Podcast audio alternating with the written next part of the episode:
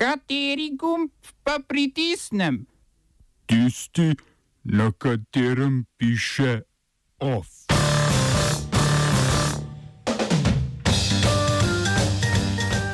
Prekinitev civilne nepokorščine in ponoven začetek pogajanj o oblikovanju prehodne vlade v Sudanu. Italijanska vlada še ustreje nad migrantoljubce.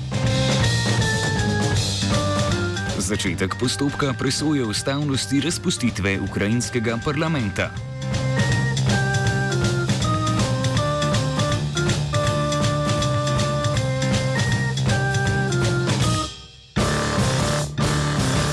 Danes se je zaključila trudnevna vsedržavna civilna nepokorščina v Sudanu.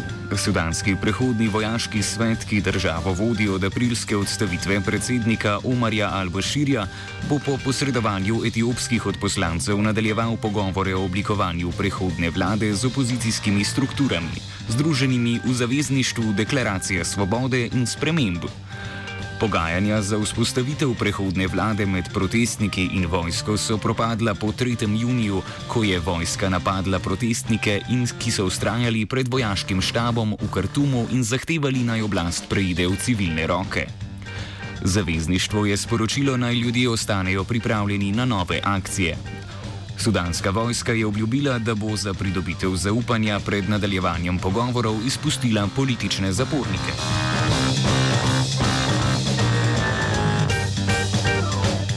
Medtem Botswana obračunava spomniki svoje britanske kolonialne preteklosti. Vrhovno sodišče je namreč danes odločilo, da je zakon o prepovedi sodomije, ki izvira iz kolonialnih časov, neustaven, s čimer je dekriminaliziralo homoseksualne odnose. Sodišče je odločalo na pobudo lokalne nevladne organizacije Liga Bibo, ki se bori za pravice LGBT plus oseb. Ta je sodišču marca posredovala zahtevo za oceno ustavnosti delov kazanskega zakonika, ki kriminalizirajo, citiramo, nenaravne prestopke in nespodobne prakse. Konec citata. Homoseksualni odnosi so sicer v Afriki dekriminalizirani še v 19 drugih državah, v preostalih 31 državah pa so to vrstni odnosi in spolne prakse še vedno kriminalizirani in preganjani.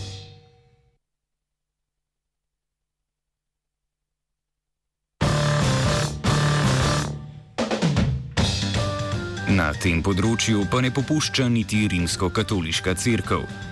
Kardinal Versaldi, prefekt za katoliško vzgojo, ki je včeraj predstavil nov dokument Kongregacije za katoliško vzgojo, imenovan Moškega in žensko, ju je ustvaril on, ki je v podnaslovu opredeljen kot pot k dialogu o teorijah spola o izobraževalnem procesu.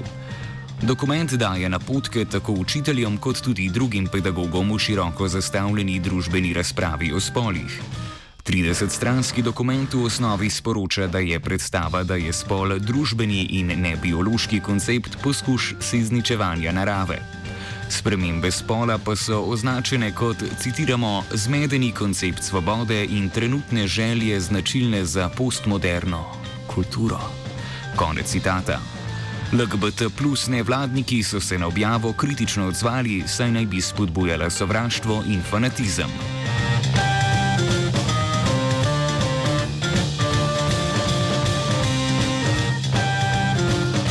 Italijanska vlada je na predlog notranjega ministra Mateja Salvinija sprejela zakonsko uredbo, ki predvideva ostrejše kazni za reševanje migrantov v Sredozemskem morju. Ladjari in kapitani, ki bodo brez dovoljenja vpluli v italijanske ozemeljske vode, bodo morali plačati med 10 in 50 tisoč evrov. Ponovitev prekrška predvideva zaplenitev ladje. S tem ukrepom naj bi nevladne organizacije odvrnili od reševanja beguncev in migrantov.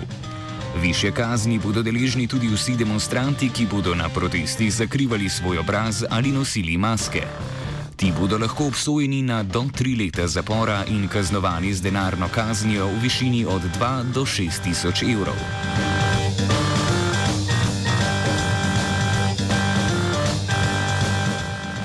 Vse bolj represiven odnos italijanske politike do vprašanj migracij in preseljevanja pa ima podporo tudi v evropskih institucijah. Preko spletnega portala Euraktiv je včeraj v javnost pricrljal osnutek Evropske strategije za obdobje med letoma 2019 in 2024. Med štirimi glavnimi cilji v navedenem obdobju se je na prvem mestu znašla zaščita državljanov in svoboščin. Strategija kot ključni ukrep predvideva vzpostavitev učinkovitega mejnega nadzora in prenovo nacionalnih azilnih zakonodaj, ki sta predpogoj za uspešno delovanje evropskih institucij v navedenem obdobju. Na osnutek se je že ostro odzvala skupina zelenih.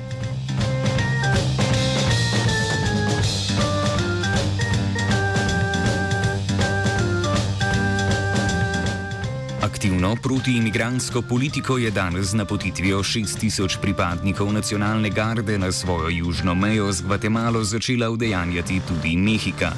Vlada Andresa Manuela Lopeza Obradorja je namreč prejšnji teden z ZDA dosegla dogovor o migracijah, ki določa 45-dnevni rok za zajezitev toka migrantov. V primeru, da jim to ne uspe, bodo ZDA Mehiko razglasile za varno tretjo državo. To pomeni, da bodo morale prošnje za azil obravnavati že tamkajšnje oblasti. Ameriški predsednik Donald Trump je v primeru nesprejetja dogovora zagrozil s 55-odstotnimi uvoznimi carinami na mehiške izdelke, ki bi jih povečal po 5 odstotnih točk, dokler ne bi dosegle 25 odstotkov.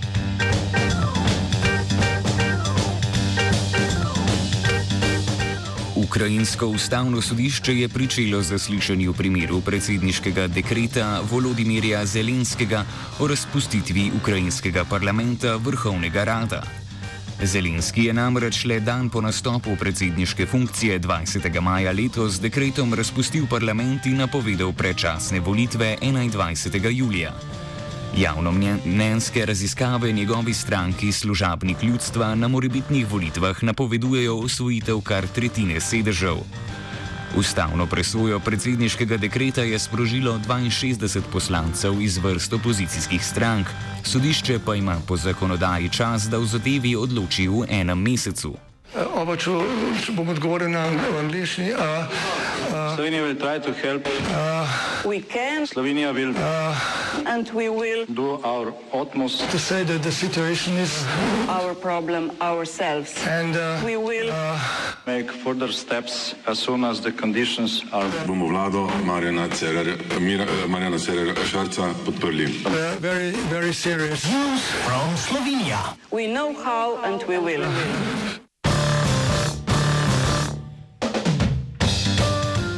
Predsedniški palači sta danes potekali javni predstavitvi kandidatke za informacijsko pooblaščenko Mojce Prelesnik in kandidata za ustavnega sodnika Roka Čeferina. Prelesnik je edina kandidatka za omenjeni položaj, medtem ko je Čeferina predsednik Borut Pahor po posvetovanjih s poslanskimi skupinami izbral med tremi kandidati. Za to mesto sta se sicer potegovala še nekdani vodja vladne zakonodajne službe Janus Pogorelec in novinar Marjan Lekše. Čeferin je odvetnik iz odvetniške družbe Čeferin in partnerji, prav tako pa tudi nosilec predmeta novinarstvo, etika in profesionalnost na fakulteti za družbene vede. V predstavitvi je povdaril, da se vplivni ljudje in intelektualci ne bi smeli zapirati v oske strokovne kroge, temveč javno delovati. Poseben poudarek je namenil borbi proti sovražnemu govoru, ki pa ne bi smela omejevati svobode izražanja. Pravo se mora, predvsem pravo človekovih pravic, se mora prilagoditi družbenim spremembam, sicer izgubi stik z realnostjo in ne zmore več učinkovito reševati družbenih problemov. Eden od teh izzivov je gotovo varstvo človekovih pravic v času razvoja digitalne tehnologije. Pri tem imam v mislih predvsem zlorabo družbenih omrežij za manipuliranje z javnim mnenjem, naprimer za vplivanje na volitve. Ta pojav v današnjem času pomeni že resno grožnjo demokratični družbeni ureditvi. Družbeno omrežje in spletni mediji omogočajo tudi širjenje sovražnega govora. To odpira zahtevno pravno vprašanje, kako zavarovati pravice deprivilegiranih družbenih skupin in po drugi strani ne pretirano omejiti svobode izražanja ki je ena najpomembnejših človekovih pravic in temeljni pogoj vsake demokratične družbe.